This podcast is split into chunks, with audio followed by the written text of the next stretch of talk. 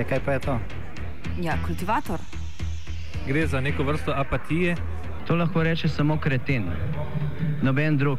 Socialni invalid in ga je ne mogoče urejati. Drugi kandidat. Pa, pa pije, kadi, masturbira, vse kako ti lahko reče. Nihče tega ne ve. Vsak petek skultiviramo dogodek tedna. Lahko po kriterijih radio študent, težko pa po evropskih kriterijih. Ampak na drug način, kot vi to mislite. Kultivator vedno užge. Da pač nekdo sploh omenja probleme, ki so, in da pravzaprav sploh nekdo sproži dogajanje uh, v družbi. To drži, drži.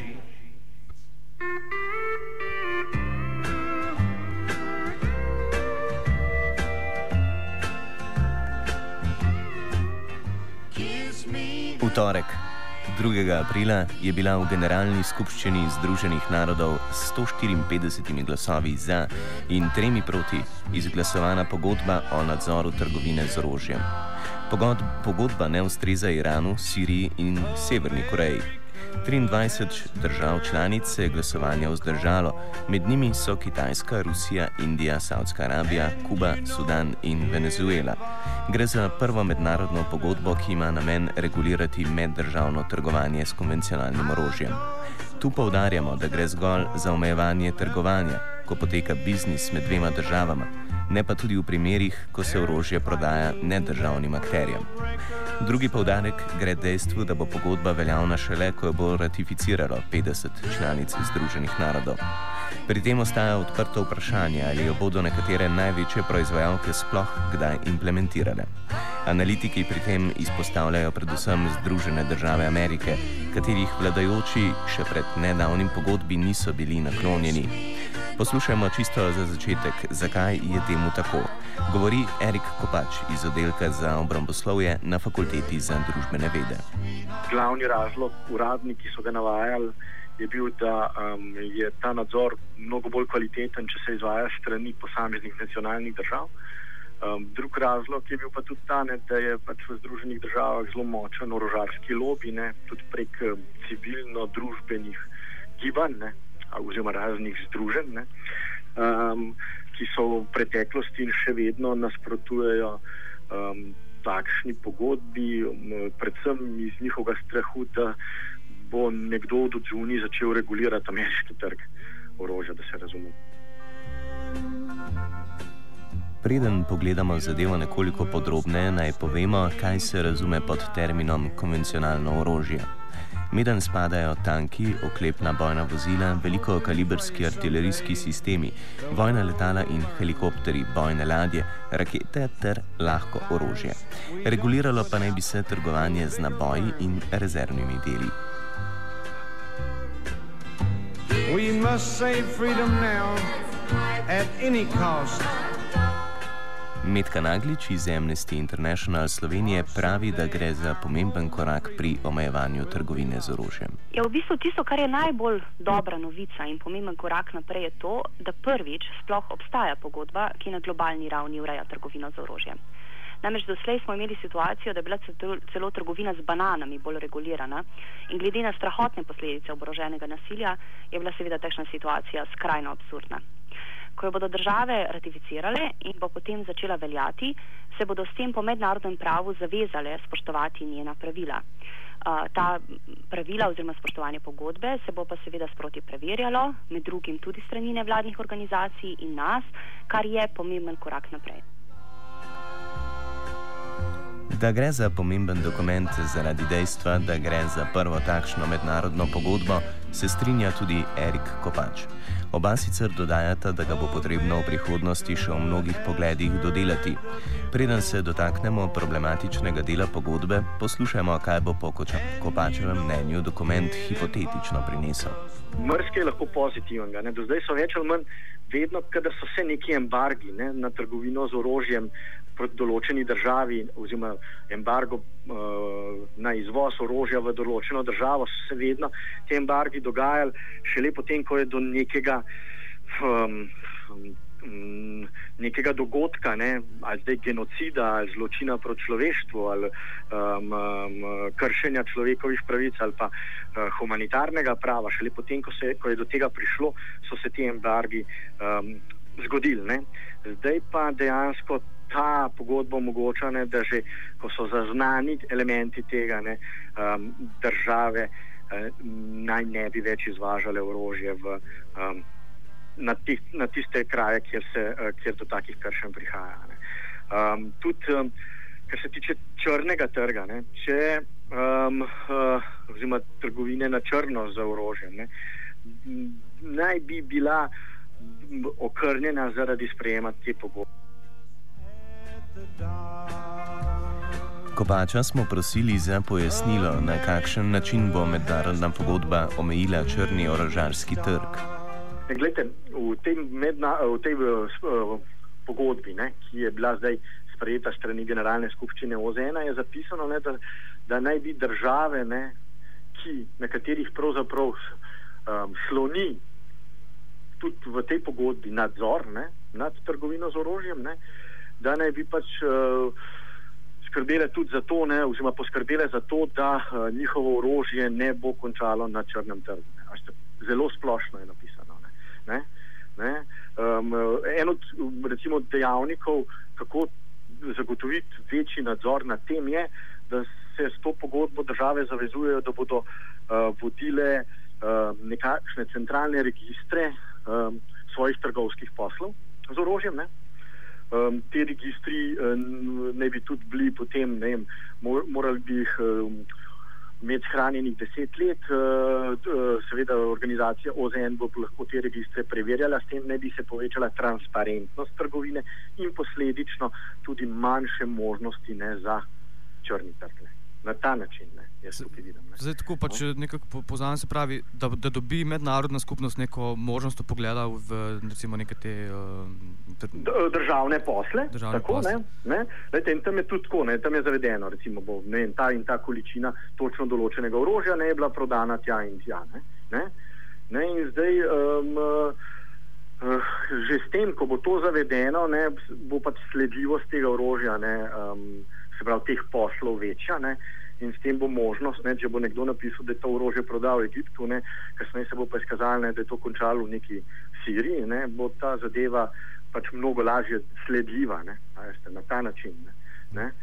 Um, tudi, kar se tiče pravni, tu je pravni dokument, ne, kakšne so posledice. Ne, ne, um, seveda bodo potem države, ne, ki so to ratificirale, ne bodo spoštovali, oziroma jih bodo dobili pri tem, da kršijo, ne, lahko tudi pravno odgovarjale na meddržavnem uh, sodišču v Hagu, ne, oziroma bile izpostavljene nekim lahko tudi političnim sankcijam strani drugih članic OZN. Kay Sturman iz britanske organizacije Kampanja proti prodaji orožja je do pogodbe zelo kritična. Na vprašanje, kaj pozitivnega ta prinaša, nam odgovori. Unfortunately, we can find very few positive things about the treaty. We think the treaty itself is a grave problem. And the reason we say that is because the treaty really legitimizes the arms trade in a way that wasn't there before.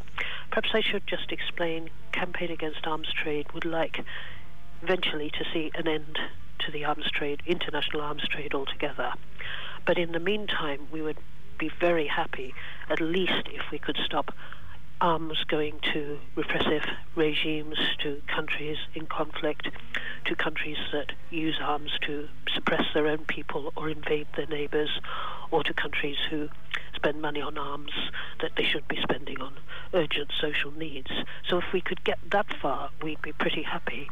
But we don't feel this treaty is going to do that at all. We feel it's actually further legitimizing and entrenching the international arms trade because it's giving them the sort of recognition they hadn't had before. Ne samo, da izglasovana pogodba ni najboljša možna, ampak jo Strmanova označi celo kot korak nazaj pri boju proti trgovanju s konvencionalnim orožjem. To tudi pojasni. If you look at the treaty, it actually says very specifically it should acknowledge countries legitimate interests in political security, then it says economic and commercial interests. So, in other words, it's saying it's not just about peace and about security and about self defense. It's about a country's economic and commercial position. So, this is really saying the international arms trade is something more than just about um, the need to, to protect yourself or support yourself. Goodbye, my sweetheart. Hello,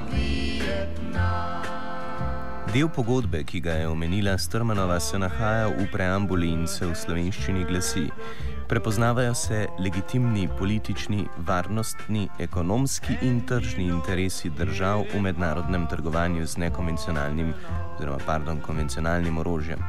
Zelo sporna sta predvsem zadnja dva interesa. Kej Strman pa opozarja še na drugo dimenzijo problema, sicer povezano s partikularnimi interesi največjih svetovnih proizvajalk in izvoznic orožja. Gre za pet držav, ki so tudi članice Varnostnega sveta Združenih narodov: ZDA, Kitajska, Rusija, Velika Britanija, Francija. Po njenem prepričanju sama pogodba trgovanja omenjenih držav in tudi Nemčije ne bo omejila. Strmanova je skeptična predvsem zaradi igralcev, ki so, so ustvarjali dokument. We can see a situation, for example, here in the UK. We have the UK government was a very enthusiastic supporter of the Arms Trade Treaty. It had a delegation in New York. That delegation also had representatives from the arms trade on its delegation. it was saying things like the arms trade treaty will be good for business, it'll be good for manufacturing, it'll be good for exports, it'll provide a level playing field, it'll make the arms industry more competitive. At the same time, the UK government is supporting the arms trade, it's subsidizing the arms trade, it's promoting the arms trade, it has a special unit in government, which is a unit to support the arms trade, which goes all over the world, it attends arms fairs, it helps to organise one of the world's biggest arms fairs here in London. So, on the one hand, you have governments such as the UK who say, we support an arms trade treaty, and at the same time, they're enthusiastically exporting arms. It's a very odd position. We don't put out, Will bigger burn Za mnenje o tržnih in ekonomskih interesih trgovanja z orožjem, ki jo pogodba pripoznava za legitimno, smo prosili tudi Kopača. To hočem reči, da trgovina z orožjem je v osnovi en velik biznis. Ne? Da se razumemo. Ne? Ne? Um, zakaj ne? Letna trgovina z orožjem, ne? zdaj po zadnjih podatkih, um, ki so na razpolago, ne? se giblje okrog 70 milijard dolarjev. Ne? To je. Um, velik biznis. In um, poleg tega, ne, da države s trgovino z orožjem ne izvajajo, uporabljajo, da samo trgovino z orožjem uporabljajo tudi kot inštrument zunanje politike, ne, ne, je to v osnovi velik biznis. In zato je logično, ne, ne, da teh interesov, ne, um, če smo realisti, ne, v takšnih zgodbah nikoli ne smemo zanemarjati. Ne? Ker če mi re, eh, izhajamo iz tega idealističnega samo pogleda, ne? da pač trgovina z orožjem ne je dejansko trgovina v veliki meri, ne? ali pa za nekatere v celoti trgovina smrtjo. Veste, to pač v real lifeu ni dovolj. Ne? Treba se pač rea, zavedati realnosti in realnost je, da so tukaj veliki denari posredi in da so um, posledično interesi držav, ne?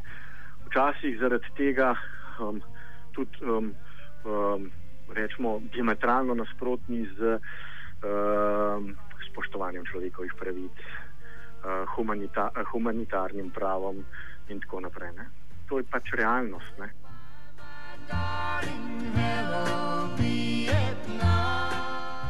Ne. Da se razumemo, po nekaterih podatkih pripada 40-odstotni delež 70 milijardni trgovini z orožjem Združenim državam Amerike pri čemer se v statistike upisuje zgolj legalno trgovino.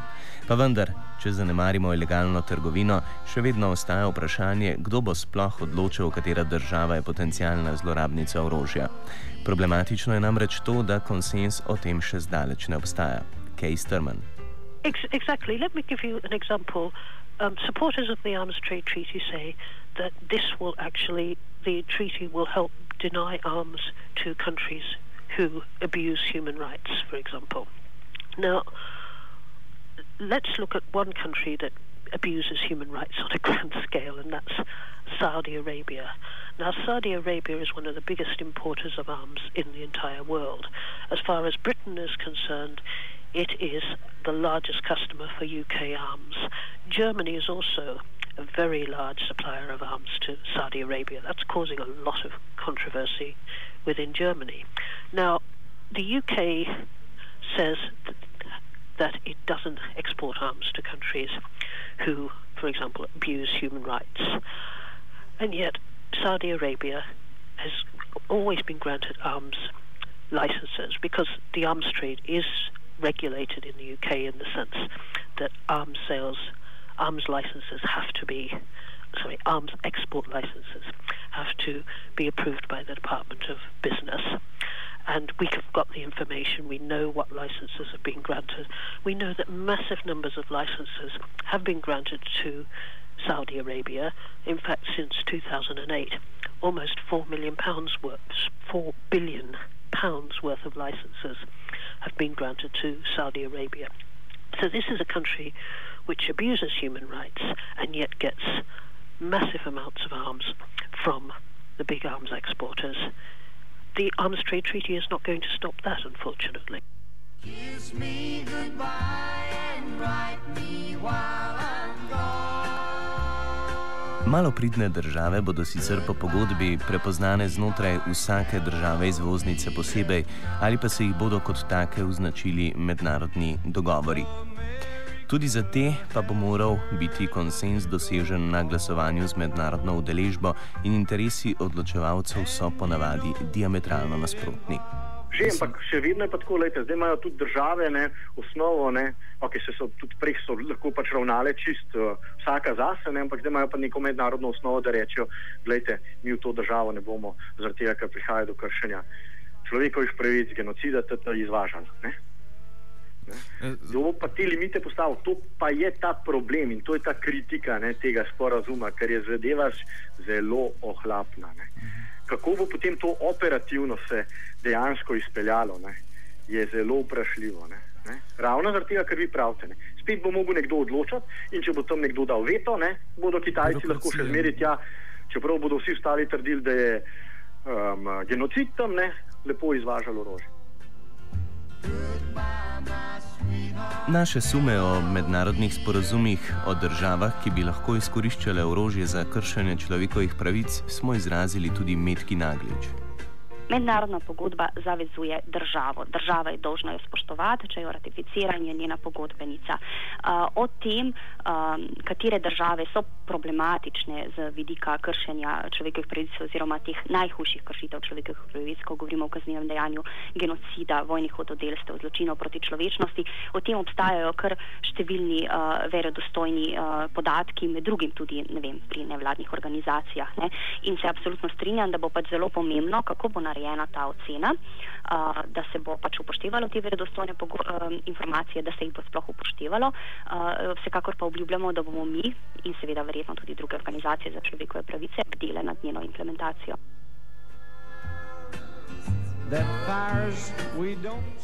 Končajmo z besedami Kay Strman, ki ne verjame, da lahko sama pogodba o nadzoru trgovine z orožjem spremeni kaj bistvenega. I think unfortunately, there's going to be a lot of very disillusioned people. For us, we really want to keep our supporters and the general public online with our message, which is there is a way you can stop the arms trade, and that's for governments to act. We want to see our government, the British government, stop promoting arms, stop supporting arms, stop subsidising arms, because we know that the arms industry gets a subsidy of around 700 million pounds a year. We don't want to, we want to see the government close down its arms sales unit. We'd like the British government to start placing pressure on the other big arms exporting nations to do the same. We we don't think it's a hopeless situation. We do believe you can end the arms trade, but it won't be through an arms trade treaty, however well meaning it is. Hello,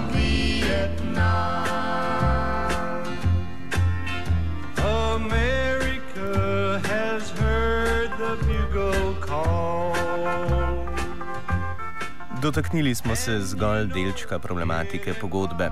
Vsekakor bi se bilo potrebno nekaj časa zadržati pri tem, da dokument ne omejuje trgovanja z nedržavnimi kupci orožja. O tem morda kdaj drugič. There's fighting that will break us up again.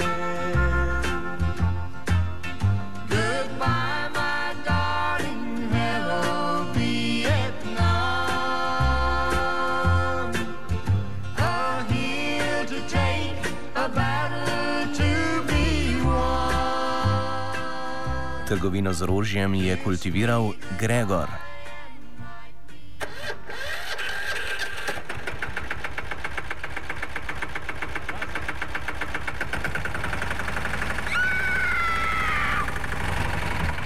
Zdaj, kaj pa je to?